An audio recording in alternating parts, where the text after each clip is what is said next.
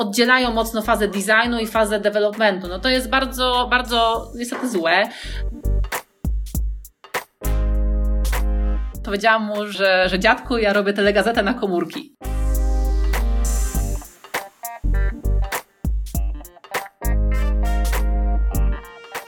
Cześć, nazywam się Szymon Trzepla i wraz z Krzyśkiem Jotkiem prowadzimy podcast UX po godzinach. W UX po godzinach rozmawiamy z ekspertami branży User Experience, a każdy sezon dedykujemy innemu zagadnieniu.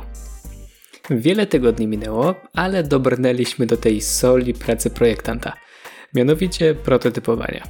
Mam nadzieję, że pokazuje to dobitnie, ile pracy i kompetencji trzeba włożyć w cały proces związany z UX, ale nie przedłużając, przejdźmy do tematu dzisiejszej rozmowy.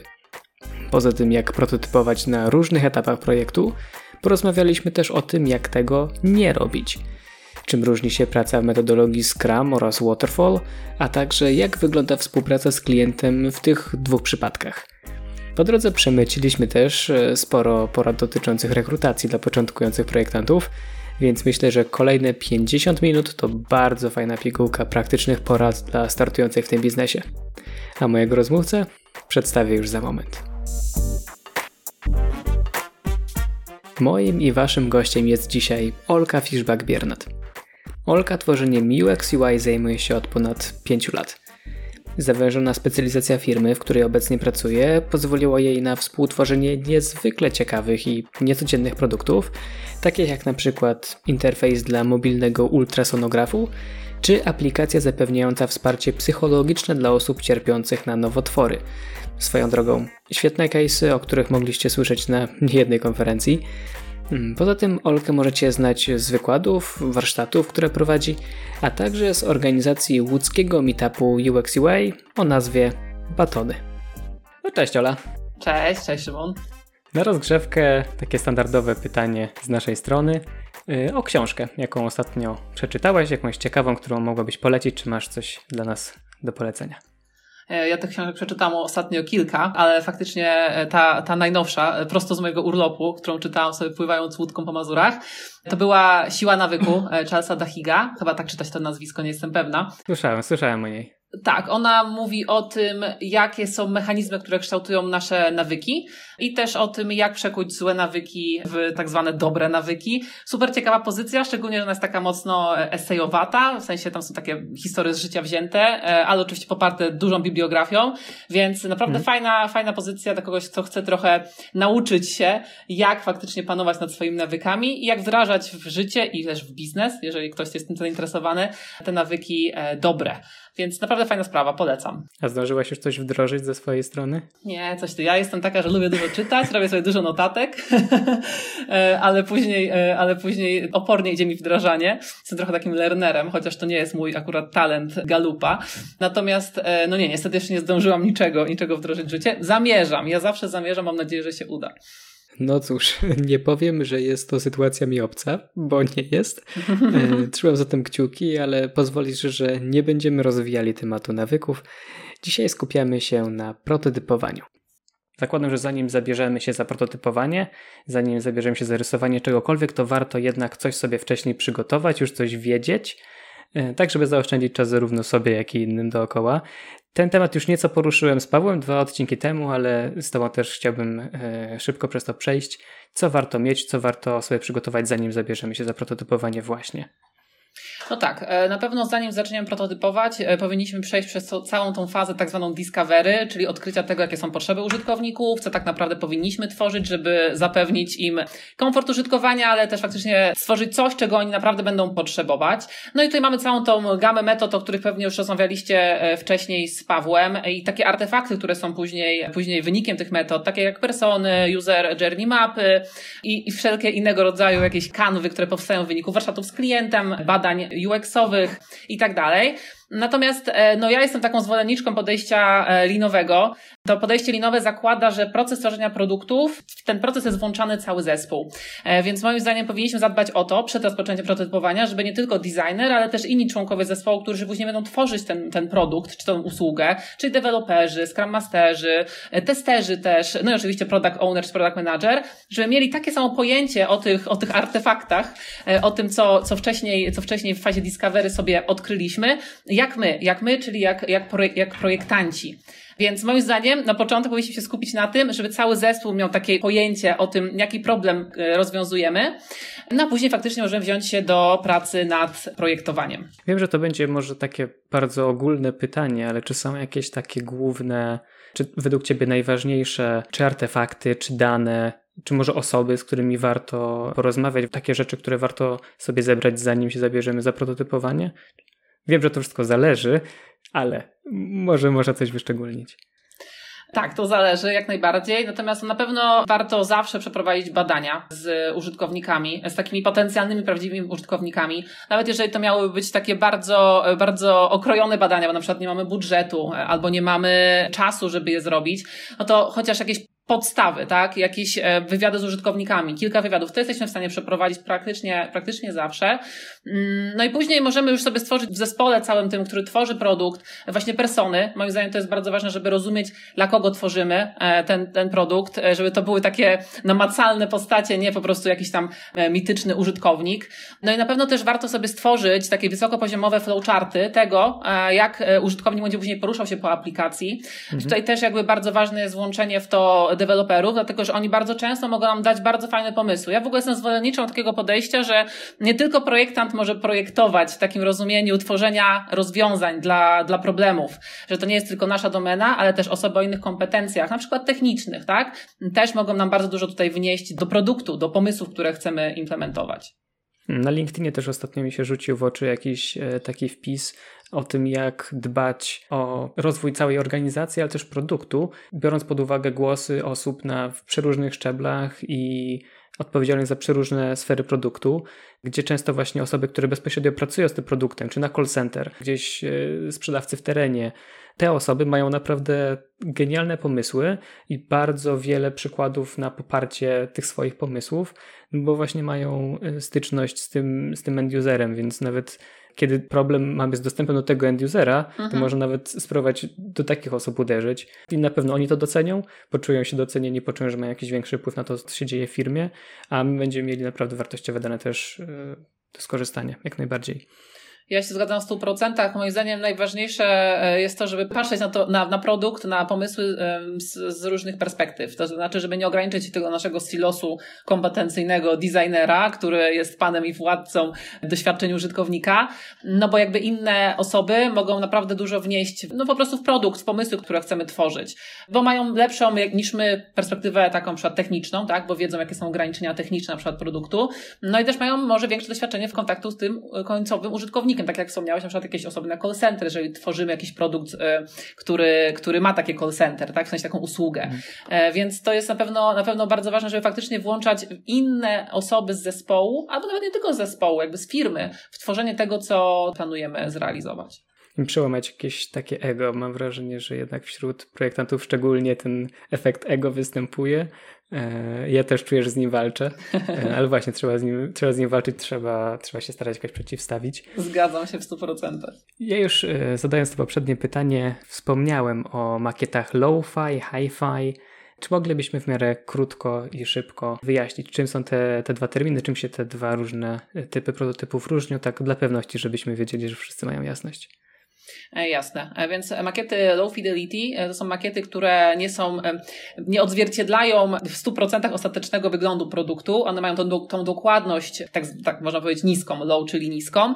Chodzi o to, że to są takie szkice, tak? Szkice tego, co chcemy stworzyć. Szkice już jakby ekranów. To nie są flowcharty, to są już konkretnie ekrany. Natomiast jakby nie skupiamy się tutaj na grafice, nie skupiamy się tutaj na dokładnie, nawet nie, nie musimy się skupiać na dokładnym layoutie. Zarysowujemy sobie, jakie elementy, jakie komponenty, jakie interakcje też wchodzą wchodzą później w, w skład naszego ostatecznego produktu. I tutaj też mamy takie, mamy jeszcze low fidelity, mamy medium fidelity, czyli takie trochę bardziej zaawansowane, już takie, które może jeszcze nie mają tych ostatecznych kolorów, ostatecznych fontów, ostatecznego tego wyglądu, który widzi końcowy użytkownik, e, ale już są bardziej, bardziej dokładne, czyli już e, pokazują faktycznie, że w tym miejscu będzie pewnie znajdował się baton i on będzie miał taki a taki tekst na sobie, tak, naniesiony. W tym miejscu hmm. będziemy mieć menu, a ono po rozwinięciu będzie miało takie a takie konkretne e, podstrony zawarte w menu. No a jeżeli chodzi o te makiety high fidelity, czyli te takie o dużej dokładności, no to jest już to coś, co nazywamy popularnie UI, e, czyli ten, ten ostateczny interfejs, który widzi użytkownik, klikając po prostu, korzystając z produktu. Czyli tutaj dbamy już o kolory, dbamy o odległości, dbamy o fonty, e, dbamy o, o kontrast, o wszystko, co jest też takim elementem graficznym. No ale wiadomo, że UI to nie jest tylko grafika, UI też jest tak częściowo związane z UX-em, to jest trochę może skomplikowane, jeżeli się na początku w to wchodzi, no ale jakby główna różnica jest taka, że low fidelity to są takie bardzo szkicowe makiety, na przykład rysowane długopisem na kartce, a high fidelity to jest coś, co tworzymy już faktycznie w programie do e, tworzenia, tworzenia UI, tak, czyli na przykład Figma, Sketch e, i tak dalej, o dużej, dużej dokładności, dużym zaawansowaniu graficznym, ten ostateczny widok, który później widzi użytkownik korzystając z produktu. I też tutaj ta granularność może być bardzo duża i ja przynajmniej jestem orędownikiem takiego zdroworozsądkowego podejścia, żeby się nie przywiązywać do, do tych nazw za bardzo. To musi być low fidelity, a teraz musi być medium fidelity. Tylko tutaj ta granularność jest bardzo, bardzo duża i przy każdym projekcie może mieć trochę inne wymagania. E, o tym też warto Jasne. pamiętać. Więc to, co przy jednym projekcie można sobie przymknąć oko i się tym na początku nie przejmować, tak przy jednym projekcie może być naprawdę ważne, żeby zadbać już o ten element na tym bardzo wczesnym etapie. Mieć też właśnie z tyłu głowy ten cel, w jakim to robimy, bo myślę, że do tego też dojdziemy, ale prototypy zawsze mhm. się robi w jakimś celu, tak? Nie robi się ich dla sportu. Tak, tak, jak najbardziej. Jak już mamy sobie zarysowaną tą różnicę, już mniej więcej wiemy, w czym się poruszamy, to przejdźmy do kolejności, bo myślę, że taką dosyć dużą oczywistością, myślę, czego się, czego się uczę od początku i zaczynamy od tych makiet low fidelity, potem przechodzimy do tych coraz bardziej kolorowych, skomplikowanych, żeby sobie zaoszczędzić czasu właśnie, że jeżeli coś się nie zgodzi, jeżeli jakiś stakeholder stwierdzi, że tu jest jakiś poważny błąd, to łatwiej jest wrócić z takiej e, zwykłej, szarej makiety niż z czegoś bardzo dopracowanego, na czym spędziliśmy dziesiątki godzin. Ale czy wyobrażasz sobie jakąś taką sytuację, że by tą kolejność albo zamienić, albo w ogóle porzucić low fidelity i zacząć od razu od czegoś naprawdę fajnego, błyszczącego. Czy takie zachowanie może być legitymizowane w jakich przypadkach? Jasne. Ja w ogóle sobie wyobrażam taką kolejność, że możemy porzucić zarówno low fidelity, jak i high fidelity, bo ja jestem zwolenniczką tworzenia e, produktów, tak jak powiedziałam, linowo, czyli w taki sposób, że cały, cały zespół tworzy produkt i tak naprawdę w takim podejściu nie zawsze potrzebujemy e, tych, tych makiet e, high fidelity, bo jeżeli współpracujemy okay. z deweloperami, jeżeli współpracujemy z deweloperami i tworzymy produkt, to ja mam takie podejście, że my rozwiązujemy jakiś problem, tak? Na przykład chcemy zapewnić użytkownikom możliwość dodawania tasków do listy, tak? E, tworzymy jakąś aplikację do tworzenia i zarządzania listami tasków. No i jeżeli mamy takie zadanie, żeby stworzyć tą listę tasków do wykonania dla użytkownika końcowego, to czasem wystarczy po prostu porozmawiać z deweloperem, jak to powinno wyglądać, jakie powinniśmy zapewnić funkcje i na przykład jeżeli ta aplikacja już istnieje od jakiegoś czasu i na przykład jeżeli już mamy jakieś komponenty inne UI-owe, e, które, które możemy wykorzystać, to rysowanie tych makiet high fidelity nawet nie jest konieczne. To oczywiście wszystko zależy od e, projektu, bo czasem są projekty, w których e, klient bardzo chce widzieć ten e, ostateczny wygląd UI, zanim zostanie on zaimplementowany.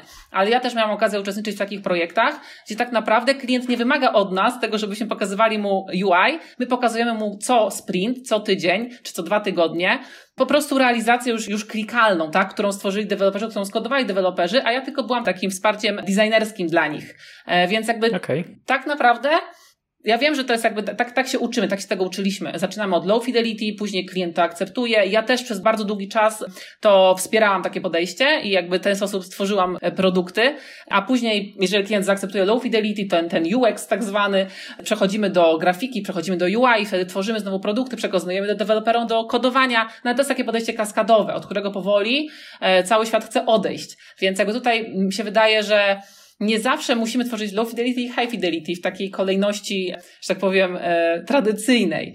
Trochę może pogmatwałam, możesz zaprowadzić mnie na, na, na, nowe, na nowe tory, bo ja mam dużo do powiedzenia na ten temat, a lubię się rozgadywać, więc śmiało. No to super, bo, bo chciałem Cię tutaj właśnie dopytać o to, że często klientom przedstawiałeś wcześniej low fidelity, oni to akceptowali, odnosili jakieś zmiany. Jak to, jak to wyglądało w praktyce u Ciebie? Jak się klienci odnosili do tych makiet e, low fidelity? Czy czy byli w stanie na nie odpowiednio zareagować, bo to jest jednak często wśród osób, które nie, nie są z tak powiedzmy backgroundu designerskiego czy, czy związanego z UX-em, żeby rozumieć, co jest tam na pas grane na tych kartkach, czy, Jasne. czy te kwadraciki na ekranie. Więc ja nigdy klientom nie pokazywałam, kiedy, ja mówię o tym, co było, co było na przykład dwa lata temu, tak? Teraz trochę inaczej pracuję, ale ja nigdy klientom nie pokazywałam takiego low fidelity rysowanego na kartce. To było bardziej low fidelity, które sobie tworzyliśmy razem gdzieś w zespole designerskim, czy w zespole, w zespole deweloperskim i później dopiero na podstawie tego, tych ustaleń tworzyliśmy no już coś, co można pokazać klientowi, czyli e, takie szare, może jeszcze takie dosyć raw, ale jednak już coś przedstawiające e, wireframe'y, no czasem złożone w prototyp, tak, żeby to było klikalne. No i wtedy w takim naszym założeniu robiliśmy to po to, żeby klient nie skupiał się na tych e, graficznych rzeczach, czyli na tym, że ten przycisk powinien być pomarańczowy, a nie, a nie zielony, tylko żeby skupił się na tym flow użytkownika, na tym, jak to będzie działać. No i wydawało się dosyć, dosyć dobrym podejściem, bo później faktycznie klient mówił, że tak, to jest to, czego chce, to ten użytkownik zachowuje się tutaj, może zachowywać się dokładnie tak, jak sobie to planuje. No i przechodziliśmy do e, makiet tych high fidelity, do tego ostatecznego UI. No i w tym momencie nagle okazywało się, kiedy klient już widział te ostateczne kolory, że hmm, to nie do końca jest to, co ja chciałem, może być, chodzi, chodzi mi o flow, nie chodzi mi o jakby o grafikę, chodzi mi o flow, który już wcześniej był zaakceptowany przecież. Mhm. Tak naprawdę ten przycisk to mogę prowadzić gdzieś indziej, bo ja teraz widzę to, ja teraz rozumiem, jak to wygląda i teraz czuję, że to powinno być jakby inaczej zrealizowane. No i e, powiedzmy, że tworzyliśmy znowu e, jakby to UI, które w sumie było było iteracją tego, co robiliśmy wcześniej. E, dużo zmian też takich flow, takich UX-owych pojawiało się przy tworzeniu tych makiet high fidelity. No ale klient ostatecznie akceptował. No i super, tak? Mamy zaakceptowany projekt, e, ostateczne widoki, dokładnie to, co ma być zaimplementowane, dajemy to do developmentu. I to jest takie podejście kaskadowe, które cały czas w wielu firmach jeszcze, jeszcze obowiązuje, chociaż udają, że są, że są e, agile, że są skramowe. No i deweloperzy zaczynają to tworzyć, tak? No i tutaj się okazuje nagle, że klient, kiedy widzi pierwsze gdzieś tam jakieś demo, pierwszy fragment gotowego systemu, który możesz sobie przeklikać, nagle się okazuje, że to nagle to nie jest też to. Ja jednak myślę, że to mogłoby troszeczkę inaczej wyglądać, że jednak tutaj może ten baton mógłby być pomarańczowy, bo on tu bardziej pasuje, a wiesz, wiesz, to są takie, takie rzeczy, które dopiero czuje ten klient, czy ten końcowy użytkownik, kiedy dopiero przeklikuje przez ten taki mhm. już namacalny system.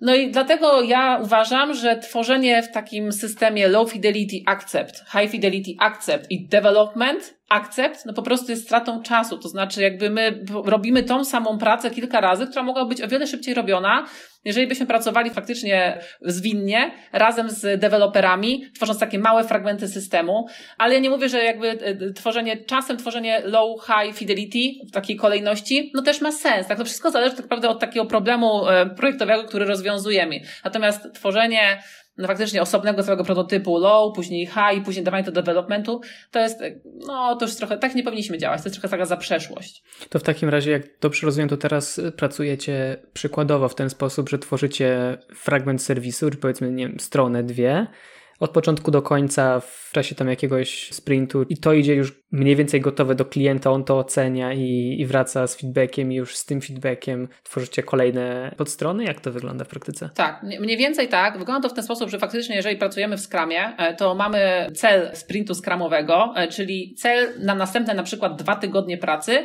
E, który chcemy dowieść na koniec tego sprintu, czyli jakiś na przykład fragment aplikacji, który powinien być na, za dwa tygodnie gotowy. Na przykład taki bardzo prosty rejestracja i logowanie, tak? To jest to, co chcemy stworzyć.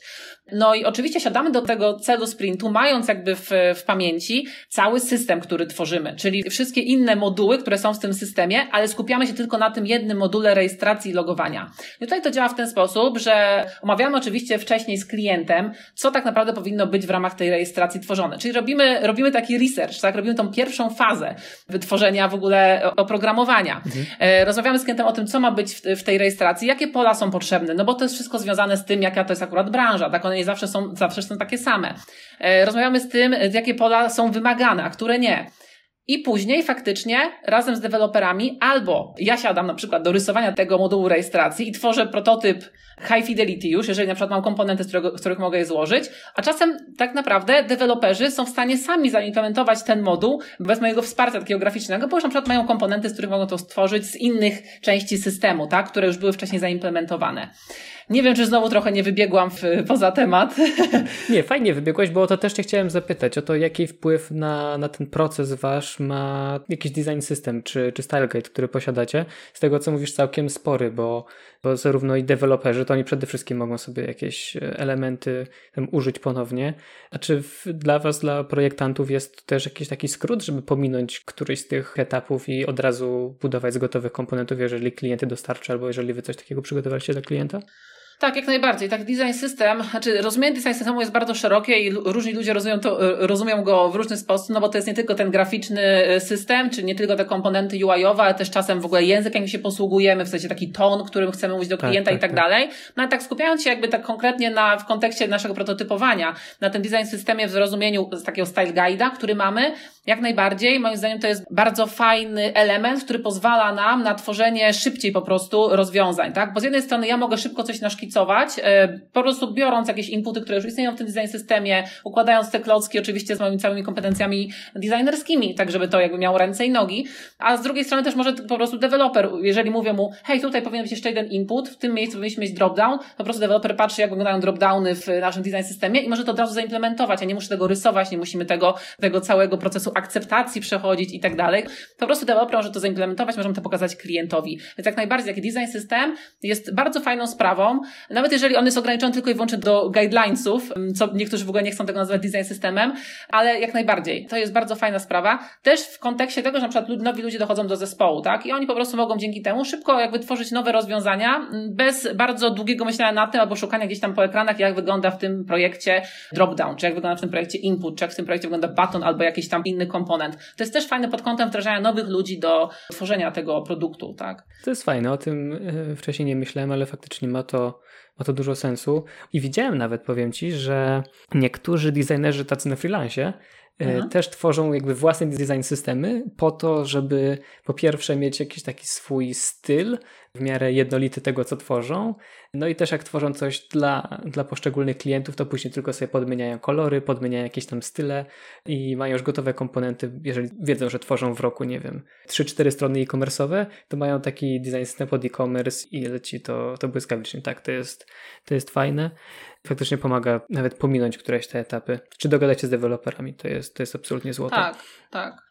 No bo ja też oczywiście nie chcę demonizować tego, tego takiego układu e, low fidelity, accept, później high fidelity, bo czasem on jest konieczny. Po prostu czasem e, na przykład nowo tworzony element systemu, czy nowo tworzony produkt jest bardzo skomplikowany. Robimy coś, co jest nowe, coś, czego nigdy wcześniej w tej organizacji nie tworzyliśmy. Ja akurat pracuję w software house, więc my jakby robimy, nie, nie pracujemy tylko nad jednym produktem, tylko pracujemy nad kilkunastoma, kilkudziestoma e, produktami, tak? I ja te projekty często zmieniam. Jakby to jest też specyficzny kontekst, tak? Więc jakby to, o tym chcę wspomnieć.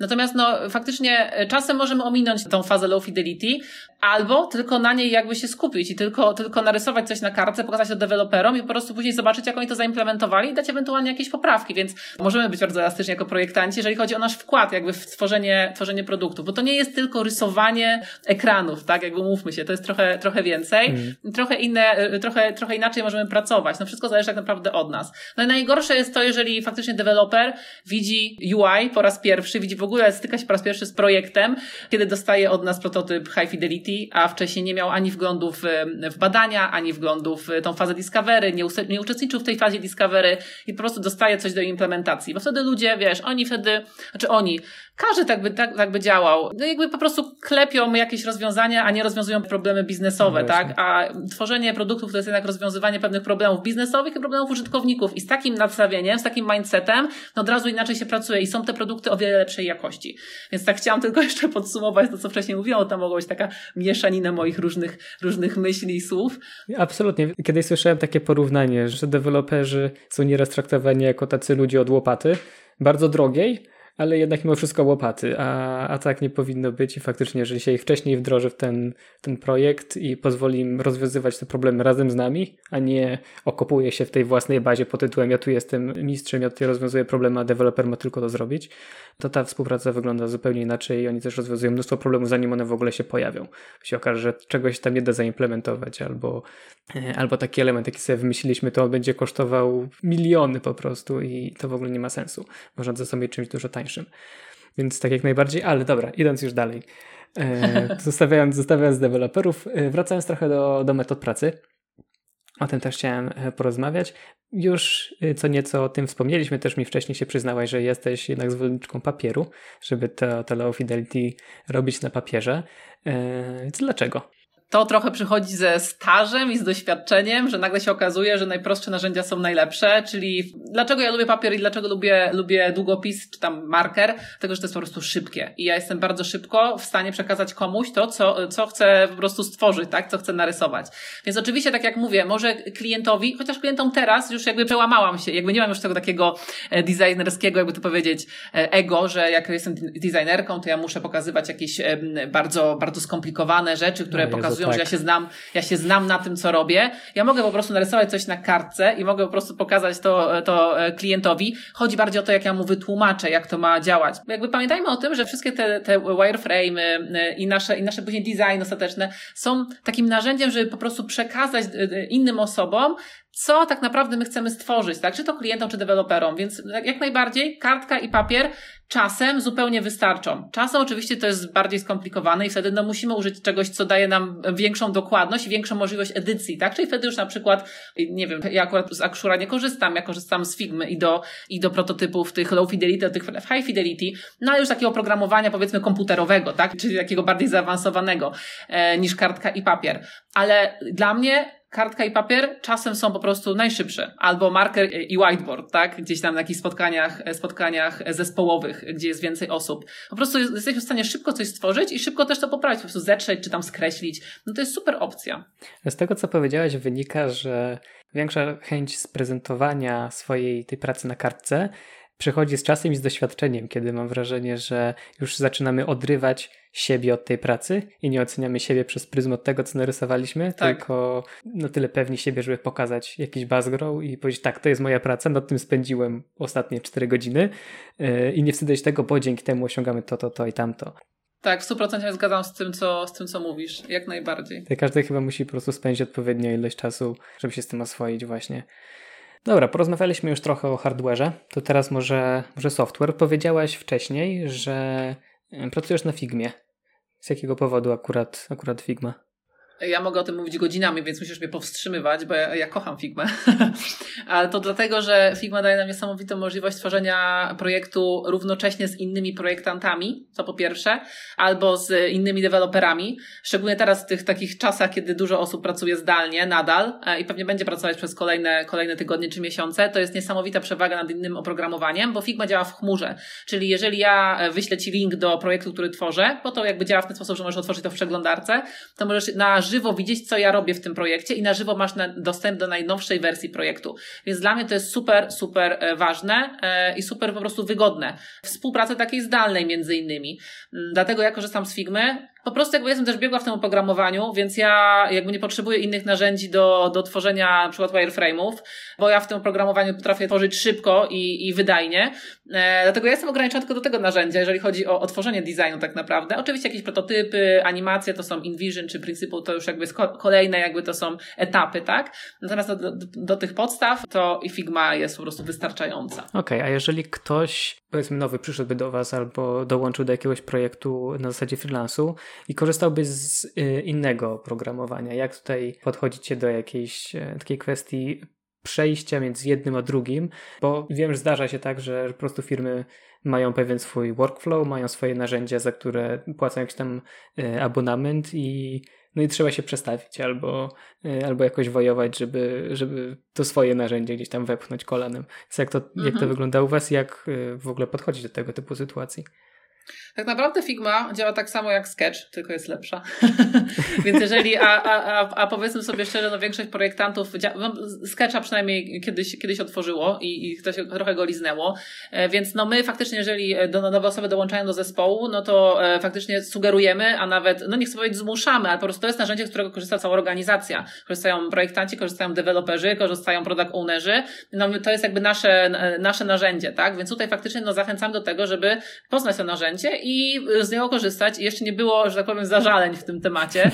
Wszyscy na początku trochę, trochę się podśmiewują, że tak strasznie, strasznie kocham to narzędzie i tak strasznie promuję, ale później, kiedy z niego korzystają już jakiś czas, no to faktycznie widzą jakby plusy. Wiesz, jak się ma nie procent mam... od sprzedaży, to trudno nie zachwalać.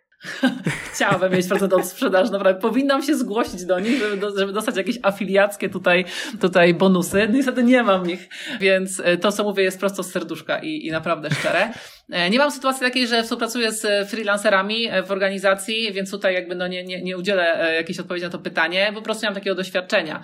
No, natomiast no, faktycznie Figma to jest ta, ta podstawa, z której korzystamy w HTD, tak, jakby akurat u nas w organizacji. Ja też może zadałem to pytanie tak jakbym demonizował to różne narzędzia, ale faktycznie tak jak powiedziałaś, e, one są wszystkie tak naprawdę bardzo do siebie zbliżone i myślę, że to przejście między jednym a drugim wcale nie jest takie istotne. I dlatego cie, znaczy cieszą, bawią mnie po prostu te różne takie wojenki pod tytułem Sketch jest lepszy, Figma jest najlepsza, a ja to tylko z XD i, i no trochę tak, no nie to rozumiem, jest, to, czego to jest tylko narzędzie, no nie? To jest tylko narzędzie, więc y, po prostu nie płaczmy, że ktoś korzysta akurat z y, XD, a ja korzystam z Figmy. Natomiast no ja wszystkim polecam, po prostu narzędzie jest fajne, tak? Więc ja z niego korzystam, dlatego. Ale fajnie, że to powiedziałeś, to jest tylko, tylko narzędzie, tak? I dopóki gets the job done, to po prostu nie ma się co właśnie tutaj Jasne, że tak. E, nad tym rozwodzić za bardzo. A jak chodzi o uczenie się tego oprogramowania, bo słucha nas, zakładam, całkiem sporo osób e, młodych, które dopiero chcą wejść, powiedzmy, w tą branżę, a nie mają, powiedzmy, tego backgroundu graficznego, nie mają e, Photoshopa czy Illustratora obcykanego na dziesiątą stronę. Jak podejść do, do uczenia się tych programów. Z naszej perspektywy one się wydają dosyć intuicyjne i proste. Teraz już tam po, po zdobyciu pewnego doświadczenia, ale myślę, że nie dla wszystkich takie mogą być. Jeżeli ktoś nie ma doświadczenia w tworzeniu jakichś projektów w Photoshopie czy w Illustratorze, to dobrze, bo czy Figma, czy Sketch, no jakby są narzędziami też graficznymi, też graficznymi, bo też służą do innych rzeczy czasem, ale one jakby Photoshop i Illustrator są strasznie skomplikowane. One w ogóle były hmm. tworzone do tworzenia kompletnie innych rzeczy, tak? Do edycji zdjęć czy do tworzenia ilustracji, a nie do projektowania interfejsów. A faktycznie narzędzia, o których przed chwilą wspomnieliśmy, Figma, Sketch, e, Adobe i XD, to są narzędzia, które są typowo do tworzenia interfejsów, więc jakby one też są uproszczone i one naprawdę są, są proste i moim zdaniem są intuicyjne. Ja mam w zespole osoby, które w ogóle nie miały żadnego backgroundu graficznego, bo na przykład skończyły informatykę, a teraz e, weszły, znaczy teraz, jakiś czas temu już weszły do firmy jako UX-owcy, Teraz też już tworzą UI, bo ja akurat mam taką, e, taką filozofię, że moim zdaniem projektanci powinni liznąć chociaż też tej drugiej jakby strony projektowania, czyli UX-owiec UI, UI UI UX-owca, to jest kompletnie osobny temat. E, no i faktycznie one się odnalazły w tej filmie, tak? Wiadomo, że to zajmuje czas, ale tak samo to zajmuje czas jak każde inne oprogramowanie, jak każda nowa rzecz. Po prostu uczymy się metodą prób i błędów, dowiadujemy się, jak tworzyć te elementy, te komponenty, na których nam zależy. Więc moim zdaniem jakby tutaj ten brak jakiegoś doświadczenia na przykład graficznego w innych programach, no to nie jest żaden bloker zupełnie. Nie wiem też, jak jest akurat z community Figmy, czy tam mają jakieś swoje fora, fora czy grupy, gdzie można zasięgać informacji, ale e, to, co chyba najbardziej lubię w, w narzędziu y, Akszur właśnie, mhm. to, to to community. Zrobiłem sobie kiedyś y, kurs, kurs Akshura, tak, tak, żeby przejść przez niego, przez te najważniejsze funkcje z, z jakimś tutorialem, ale później najwięcej się nauczyłem chyba właśnie przez to community i faktycznie już ucząc się podczas pracy, czyli mam jakiś problem tak. i, i, nie wiem jak to zrobić, więc zaczynam googlować, szukać i w ten sposób się uczyć narzędzia i uczyć kolejnych komend, które tam można wprowadzać, e, jakichś kolejnych funkcji, e, więc najlepszym sposobem według mnie na naukę faktycznie to, to jest postawić sobie jakieś zadanie, czy znaleźć jakiś e, brief, jeżeli robimy coś tam do szuflady, chcemy się po prostu pouczyć, to znaleźć sobie jakiś brief, postarać się go rozwiązać i po drodze jak nie wiesz jak coś zrobić, to się po prostu nauczyć, dowiedzieć. Tak. Małymi kroczkami. Jak najbardziej. To, w ogóle to jest takie fajne ćwiczenie, jeżeli ktoś w ogóle chce wejść w jakieś nowe oprogramowanie, które ja czasem polecam takim osobom, które gdzieś tam zaczynają, żeby sobie wziąć jakikolwiek projekt, nawet taki z dribla, jakikolwiek, który nam się podoba po prostu i spróbować go odwzorować jeden do jednego w tym nowym narzędziu, z którego korzystamy. Wtedy nie skupiamy no. się na, jakby na tym, czy to będzie fajnie wyglądać, żeby to był taki piękny cień, a tam inny, inny gradient, tylko skupiamy się już na tej jakby technice, no nie? I to działa. I po prostu wtedy jakby musimy znaleźć jakieś e, no, sposoby na rozwiązanie pewnych problemów, dlaczego na przykład tutaj ten gradient wygląda w ten sposób, jak go zmienić i wtedy faktycznie wchodzimy na jakieś fora, czy wchodzimy na jakieś tutoriale, no i tam sobie szukamy już tych informacji takich konkretnych. Taka nauka faktycznie na takim żywym organizmie, tak, czyli na projekcie, no jest najlepszą nauką, no bo jak inaczej się nauczyć projektowania nie projektując, tak, czy oprogramowania nie projektując. Więc to jest takie fajne ćwiczenie, które ktoś może sobie wykonać, jeżeli chce spróbować swoich sił z tym nowym narzędziem. No i wiadomo, że nie wiem, czego nie wiem bardzo często, więc dopóki nie wskoczymy trochę na, na głębszą wodę i nie spróbujemy czegoś zrobić własnoręcznie, to też ciężko się czegoś nauczyć. A tutaj fajnie połączyłaś dwa wątki, bo to jest też coś, mm, co ja praktykowałem. Teraz już mam trochę mniej na to czasu, ale powinienem tego wrócić. Czyli właśnie wchodzenie na Dribbla, wchodzenie na Behance'a, szukanie jakichś ciekawych projektów i staranie się w jakiś sposób je przekopiować, czy, mhm. czy zrobić je po swojemu, tak żeby poczuć trochę bardziej tą stronę UI-ową bo ja się czuję mocno, mocno do tyłu, jak chodzi o ten aspekt mhm. UI-owy. Miałem zawsze poczucie, że trzeba mieć e, jakieś takie zdolności bardziej artystyczne, natchnione, żeby tak e, wymyślać z głowy jakieś piękne kształty i kolory. Ja z tym miałem zawsze problem, ale właśnie w ten sposób trochę się na siłę obywając z tym, jak jak wyglądają jakieś atrakcyjnie, wizualnie interfejsy, tworząc je własnymi rękami dużo lepiej je kodujemy jakieś tam wzory sobie w głowie zapamiętujemy. Myślę, że to jest tak. też sposób właśnie na, nauczenia się tego UI-a, czy przez osoby tam po informatyce, czy, czy bardziej po tym backgroundzie takim bardziej naukowym, myślę. Ja muszę podkreślić to, że projektowanie UI to nie jest domena artystów. Jakby nie, nie idźmy w tą stronę. To znaczy, ja wiem, że nie, nie to chciałeś powiedzieć, tak? Nie o to ci chodziło, ale jakby dużo ludzi ma taki trochę bloker, taką blokadę, że ja nie mogę tak robić, bo ja, ja nie umiem rysować. Tak, to takie było moje chodzi. przekonanie kiedyś, tak. Tak, to jest coś, co często właśnie ludzie, no początkujący, którzy wchodzą w jakby w, w, w, ten, w ten światek, że tak powiem, myślą, a moim zdaniem takie metody, jak ta, o której wspomniałeś, czyli żeby po prostu przerysowywać pewne rozwiązania na swój sposób, tak, zadaptować jakieś rozwiązania, które znajdziemy na Behance czy na Dribblu do swoich projektów, jest bardzo fajny. Jeżeli chodzi o projektowanie UI, jeszcze to wspomnę, że jeżeli chce, ktoś chce się tego nauczyć, no to faktycznie to jest znowu metoda prób i błędów, iteracje, iteracje, iteracje. Fajnie mieć przy tym mentora, który jest trochę bardziej doświadczony niż my i który nam powie, co robimy dobrze, co robimy źle, co mamy kontynuować, a co warto byłoby poprawić. To jest taka trochę metoda jak na przykład na ASP, akurat jestem po ASP, uczymy się w pracowniach nowych rzeczy, no i tam przechodzimy na korekty do profesora. Tak naprawdę to tutaj mamy to samo, tak po prostu to jest nasza praca, która jest przez kogoś oceniana, ale w takim kontekście nie, nie jakby mówienia tego, że to jest beznadziejne, czy to jest coś, co, co, co kompletnie nie ma sensu, tylko jakby pokazywanie, co można zrobić lepiej, co tutaj jeszcze jest do poprawy, a co już robisz świetnie i co w ogóle powinieneś kontynuować. I tak możemy po prostu się nauczyć projektowania UI w praktyce. No zresztą z projektowaniem UX jest podobnie, tak? No nie nauczymy się tego z książki czy z kursu, musimy praktykować, żeby faktycznie się rozwijać. E, ale jeżeli chodzi o to UI, no ja muszę obalić ten mit, nie trzeba być artystą, żeby tworzyć e, e, fajne UI-owo rozwiązania. Nie trzeba kończyć ASP na pewno. Tak, ja to też podkreślę. Tak naprawdę jest to prostsze niż się wydaje. To nie jest na pewno łatwe, tak, to jest też pewien skill, który trzeba trzeba posiąść, ale jak się człowiek z tym opatrzy i trochę popróbuje samemu, to się okaże, że naprawdę bardzo szybko można zacząć tworzyć bardzo ładne rzeczy właśnie w ten sposób kopiując, a później powstaje kwestia po prostu zapamiętania, jak się tak. to robi i poczucia jak to powinno wyglądać, jakiegoś takiego wewnętrznego. To poczucie jest związane z po prostu takimi podstawami tworzenia grafiki, tak? No jeżeli ktoś na przykład skończył grafikę i po prostu jakby zaczyna na przykład teraz z punktu bycia projektantem graficznym, na pewno w tym UI ma łatwiej niż ktoś, kto w ogóle nigdy mhm. nie projektował niczego, tak? Bo zasady tworzenia interfejsu, UI interfejsu są bardzo podobne. My skupiamy się na, na kolorze, na typografii, na dobrych odległościach, na świetle, e, na kontraście i tak dalej, i tak dalej Oczywiście w innym kontekście, więc mamy jeszcze jakieś ograniczenia techniczne i tak dalej, jakieś, jakieś paterny, które jakby rządzą projektowaniem. Kognitywne ograniczenie przede tak, wszystkim. no to, to, to, też, jak najbardziej. Natomiast no jakby, no faktycznie, jeżeli ktoś y, projektował graficznie, ma trochę łatwiej, ale to nie znaczy, że ktoś, kto nie był nigdy projektantem graficznym, jest kompletnie jakby przekreślony na wstępie. Zupełnie tak nie jest. Powiedziałeś wcześniej o mentorze i dobrze do tego mentora właśnie chodzić i zbierać jakiś feedback. Czy widzisz te jakieś takie popularne, częste problemy z przyjmowaniem feedbacku dotyczącym swojej pracy ogólnie, ale szczególnie jakichś tam prototypów.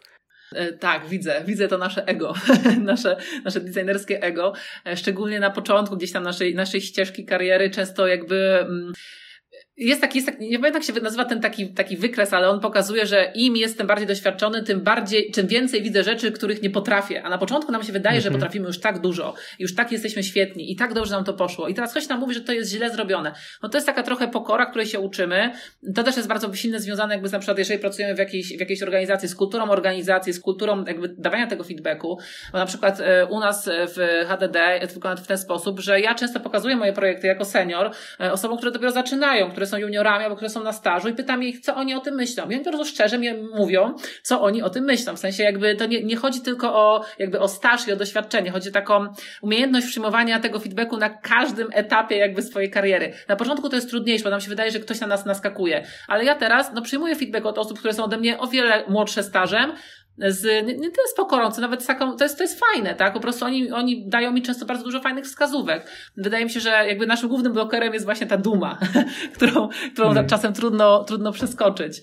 Albo Trochę krytykowanie bez... Przerwę. Spoko, spoko. Troszkę ci przerwę, ale właśnie mi się przypomniał e, tekst e, Wojtka Kutyły, który przeczytałem ostatnio. Mam wrażenie, że po tym elementarze UX, który się odbył niedawno, E, byłem jakoś tak natchniony, żeby popełnić taki krótki wpis na temat tego, czy ktoś jest juniorem, czy seniorem. On to jakoś jeszcze e, opatrzył takim hasłem, że to w mhm. zasadzie to samo, po tej to jest mniej taka różnica. Bo to, że ktoś jest juniorem w UX, to wcale nie musi znaczyć, że, że tych doświadczeń ma, ma niewiele, bo to jest uważam piękne w naszej branży. To właśnie to, że wszyscy nie wyszli z jednej beli ciosani po ASP albo po, po informatyce na jakimś konkretnym uniwersytecie, tylko każdy jest inny. Mamy i osoby po ASP i po informatyce i zajmujące się wcześniej nie wiem, edukacją i, i naukowców. E, bardzo wiele osób odnalazło się w tym środowisku i każdy ma coś fajnego do wniesienia tutaj. E, więc nawet jeżeli ktoś jest juniorem w, w danej dziedzinie, to można dać naprawdę bardzo wartościowy feedback, bo jest ekspertem w czymś innym. Jak najbardziej. Może po prostu jest też taką świeżą krwią, tak? I po prostu ma nowe Albo. spojrzenie na coś, na co my przez wiele lat gdzieś tam patrzyliśmy w inny sposób. Więc no po prostu, no po prostu pytajmy i prośmy o ten feedback i dawajmy go też z, taką chęcią. No i bądźmy przy tym no, trochę pokorni, tak? Jakby różni ludzie, deweloperzy też mogą nam dać świetny feedback, tak? E, może moja, moja mam mi nie dać świetnego feedbacku, bo nie jest w ogóle w tym, w tym jakby, e, w tej branży, tak, i kompletnie się na tym nie zna, ale, ale no faktycznie fajnie jest pytać różnych, różnych ludzi o, o, o opinię. Po prostu jest tak, znowu to, co mówiłam wcześniej, szersza perspektywa. To jest chyba najważniejsze. Teraz to może być taki trochę trudny temat, ale jestem ciekaw. E, takie lubię. Czym się, czym się będziesz w stanie podzielić. Jak chodzi o jakieś takie błędy z, z Twojego podwórka najlepiej, na, na jakichś takich Twoich przykładach, jakieś takie błędy, które, które pamiętasz, które popełniłaś przy prototypowaniu, przy, przy budowaniu jakiegoś produktu, przed którymi chciałabyś ostrzec e, naszych słuchaczy?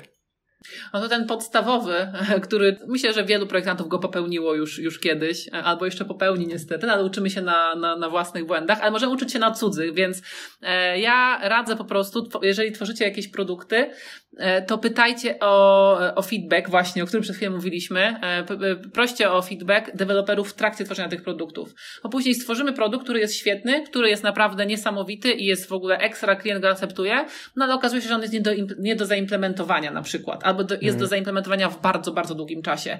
Czego zabrakło? No tej perspektywy, znowu do perspektywy wracam, osoby technicznej, tak, która mogła nam wcześniej po prostu dać taką informację, że słuchaj Ola, no tego nie da się zrobić w ten sposób, a na pewno, a może da się zrobić, ale to zajmie na przykład trzy tygodnie. Może zróbmy to inaczej. Więc jakby dbanie o to, żeby włączać deweloperów w proces designu jest super ważne. I ja no popełniłam ten błąd nie raz, nie dwa że stworzyłam taki produkt, e, który, e, który na przykład rysowałam trzy miesiące, a później szedł do developmentu i się okazywało, że tam połowa rzeczy jest do zmiany, tak? No bo po prostu hmm. gdzieś tam te, brakowało tej komunikacji. No ja na szczęście nauczyłam się tego, żeby, żeby, żeby zacząć rozmawiać, no ale wiem, że wiele, wiele osób jeszcze ma, ma z tym problem, albo nie ma takiej możliwości może do końca jakby w, w strukturze organizacji, no to zależy, nie jest wszystko czarno-białe, tak?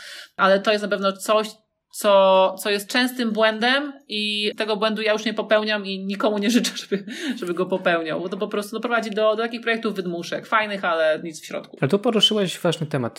Jeżeli ktoś nie ma takiego dostępu, bo dużo pracy jest outsourcowanej na zewnątrz i wiele pracy deweloperskiej jest wykonywanej na zewnątrz, więc ten kontakt z deweloperami jest rzadki i utrudniony. Czy tutaj jest jakieś obejście, czy po prostu trzeba się nauczyć tego HTML-a, CSS-a i po prostu, po prostu wiedzieć, co tam w tym bootstrapie się na przykład też znajduje? No na pewno, e, na pewno warto jest mieć jakąś, jakąś wiedzę e, o ograniczeniach technologicznych i ją się nabywa po prostu z, z doświadczeniem, no ale niestety głównie się nabywa dzięki temu, że mamy kontakt z tą osobą technologiczną. Jeżeli ktoś zna CSS-a, HTML-a, e, zna się na komponentach tych bootstrapowych i tak dalej, jak najbardziej, to jest fajne. Ja wiem, że nie wszyscy jakby na przykład chcą w tą stronę iść, to znaczy nie wszyscy chcą, chcą się HTML-a czy CSS-a uczyć, tak? W jakimś tam zaawansowanym stopniu. To jest trochę taki problem organizacji, znaczy nie chcę, nie chcę tutaj bardzo, mówię ogólnie o organizacjach, tak, że właśnie oddzielają mocno fazę designu i fazę developmentu. No to jest bardzo, bardzo niestety złe. Mi się wydaje, że coraz hmm. więcej organizacji się tego uczy, żeby, żeby faktycznie no, dawać dostęp jednym specjalistom do drugich, no bo bez tego to jest, to są takie wydmuszki, no niestety. Ale może na przykład, nie wiem czy ty, czy jacyś inni ludzie mają dostęp do, do wiedzy, e, na przykład jakichś kolegów, deweloperów. Ja wiem, że nie zawsze możemy, czy deweloperek, nie zawsze możemy pokazywać projekty w związku z NDA i tak dalej, e, ale chociaż jakby zapytać się o jakieś rozwiązanie. Czasem może to jest jakaś droga, żeby uzyskać jakiś feedback, e, ten taki techniczny. No to jest trudna sytuacja, no czasem faktycznie jest ograniczona przez, przez organizację, no ale co zrobić? Można zmienić organizację. nie, no to, to też nie jest takie proste. To, to nie, nie, nie wycinaj tego. Nie, nie siedźmy w miejscu. Ale tak, to też jest prawda, że, że im więcej tych doświadczeń, im więcej różnych miejsc się popróbuje, tym później więcej wiadomo, tak warto chleb z różnych pieców jeść. Ale dobra, to już mam w takim razie ten jeden, e, ten jeden prosty błąd. E, coś więcej. Czy, czy jeszcze coś ci się takiego przytrafiło? Wiesz co, to, to, był ten taki tak naprawdę główny. Jakieś inne błędy, e, no na przykład, znaczy ja teraz myślę też w kontekście takiego projektowania UI-owego, tak, e, no to żeby być po prostu na przykład spójnym, tak, w tym co tworzymy, żeby nie tworzyć jakichś nowych rzeczy, jakichś fajerwerków e, na siłę też, bo czasem na przykład mamy taką, szczególnie faktycznie na początku naszej kariery, mamy taką tendencję, żeby tworzyć coś na nowo, tak, żeby zrobić coś świetnego, coś, co, czego jeszcze nigdy świat nie widział. No ale nie wymyślamy tego koła na nowo, bo czasem pewne rozwiązania są po prostu dobre i użytkownicy też później nie wiedzą, jak z nich korzystać. I jeżeli my stworzymy hmm. jakiś fajerwerek, to e, on będzie A, trudny do implementacji, B, trudny później dla użytkownika do zrozumienia, C, cała nasza praca tak naprawdę może nie idzie na marne, ale mogliśmy zrobić coś dwa razy, trzy razy szybciej, coś, co będzie lepiej działać. Więc e, unikajmy fajerwerków tam, gdzie nie są one potrzebne. To jest chyba taka, taka nauka dla, dla wszystkich. To też, to, na, to przychodzi po prostu z, chciałam powiedzieć z wiekiem, ale no nie jestem aż taka stara, żeby tak, żeby tak mówić. To przychodzi z doświadczeniem, tak, że, że nasza praca to niekoniecznie piękne UI z niesamowitymi fajerwerkami, no bo to nie jest jakby wyznacznikiem tego, czy coś jest dobre, tak? taka, chyba, taka chyba też porada. Jak potwierdzam, też zapadłem na tą chorobę na początku. Miałem e, takie przeczucie, że, że każdy projekt musi być wyjątkowy, niesamowity i przełomowy, czasem po prostu chodzi o to, żeby coś poprawić. E, radykalne zmiany nie są dobrze widziane. Bardziej chodzi o tą powolną ewolucję i poprawianie tak. E, tego doświadczenia tak. małymi kroczkami niż wywracanie go do góry nogami. Absolutnie. No dobra, to myślę, że już ten temat, nie powiem wyczerpaliśmy, bo na pewno nie, ale już powoli się zbliżamy do końca. Dużo pomówiliśmy o tym, czego unikać jako młody projektant początkujący. Jak w takim razie Twoja ta kariera się zaczęła? Kiedy, kiedy stałaś się młodą projektantką od ASP, czy może nawet jeszcze wcześniej, przed ASP, aż, aż do teraz? Wiesz, ja jestem projektantką z 20-letnim doświadczeniem, bo w gimnazjum otworzyłam Photoshopa, więc teraz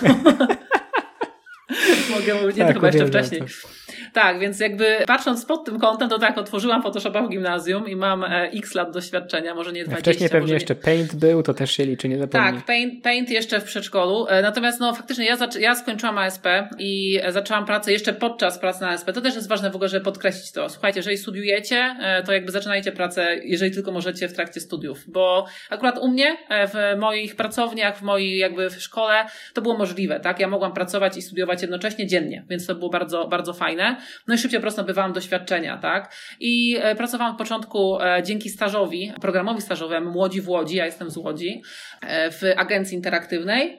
I później po prostu z tej agencji stwierdziłam, że ten e-commerce, tam głównie tworzyliśmy takie rozwiązania e-commerce'owe. No, ja wolę tworzyć oprogramowanie, mówię o aplikacjach, trafiłam do Software House'u, później do kolejnego, kolejnego i tak po prostu teraz działam jako lead w zespole designerów w HTD właśnie. Tutaj bardzo ważną rzecz powiedziałaś i to też moje doświadczenie potwierdza, że ten czas właśnie bycia studentem to jest taki najlepszy czas na eksperymentowanie, żeby popróbować, żeby zdobyć trochę doświadczenia, bo niezależnie gdzie będziesz pracować, w jakiej e, formie, to zawsze czegoś się dowiesz i o sobie, i o rynku pracy, e, już będziesz wiedzieć, gdzie kolejne kroki stawiać i Jasne. czego unikać. Ja też idąc na studia myślałem, że będę dziennikarzem, skończyłem jako, jako UX i bardzo mi z tym dobrze, więc e, tak, trzeba próbować i, i dowiedzieć się, czy to jest faktycznie to, co myśleliśmy, że jest. A myślisz, że taka ścieżka, którą ty przeszłaś, wydaje mi się, że tak, ale ty chcę też to od ciebie usłyszeć, jest do powtórzenia obecnie? Też byś taką ścieżkę wejścia do UX polecała osobom, które teraz starają się y, znaleźć pracę w tej branży? Czy może ta branża się już na tyle zmieniła, że to nie jest takie proste? Mi się wydaje, że e, to nadal jest ścieżka, żeby zacząć i chyba to jest jedyna ścieżka, żeby zacząć, bo bardzo trudno jest, znaczy no nie mówię o takich przypadkach już skrajnych, które po prostu e, tworzą jakiś e, software od zera i później nagle, nagle to pyka i ten startup jest w ogóle gdzieś tam niesamowicie rozpoznawalny i tak dalej, ale jakby faktycznie ta, ta ścieżka rozpoczęcia pracy jako stażysta, później po prostu albo zostania w tej organizacji, albo trafienia do kolejnej, nabycia doświadczenia, no jest możliwa do zrealizowania. Problem jest taki, że tych staży jest teraz bardzo mało, jest wielu chętnych na miejsce, wiele osób kończy różnego rodzaju studia e, podyplomowe albo kursy i jakby konkurencja jest bardzo duża. Ja nawet to widzę po CV, które spływają u nas na staże, które spływały w poprzednich latach na staże. Jest bardzo dużo ludzi, którzy naprawdę mają fajne kompetencje. Tutaj jakby ta konkurencja jest ogromna. No to jest super, to jak się w takim razie wyróżnić? Wiesz co, ja na przykład myślę, że każdy powinien mieć portfolio, jeżeli startuje na, na stanowisko stażowe, dlatego że nawet jeżeli to portfolio nie jest komercyjne, to musisz mieć, musisz mieć coś w tym portfolio, bo w ogóle jakby są ludzie, którzy już mają doświadczenie w branży i startują na stanowiska stażowe. Ta konkurencja jest do tego stopnia e, duża, więc e, naprawdę f, fajnie jest zainwestować czas, nawet gdzieś po godzinach, jeżeli pracujemy w innej branży, w ogóle w innym jakby świecie niż e, IT, tworzyć sobie takie portfolio niekomercyjne i później mieć cokolwiek do pokazania. Co też jakby jest ważne, jeżeli wysyłacie CV e, do firmy na staż, napiszcie kilka słów o sobie, tak? Nie, nie róbmy tego w ten sposób, że, że po prostu wysyłamy informacje z, z napisem cześć, załączam moje CV i, e, i portfolio, do usłyszenia Ola, tak? Tylko napiszmy kilka słów, bo faktycznie czasem te kilka słów może być przekonujące.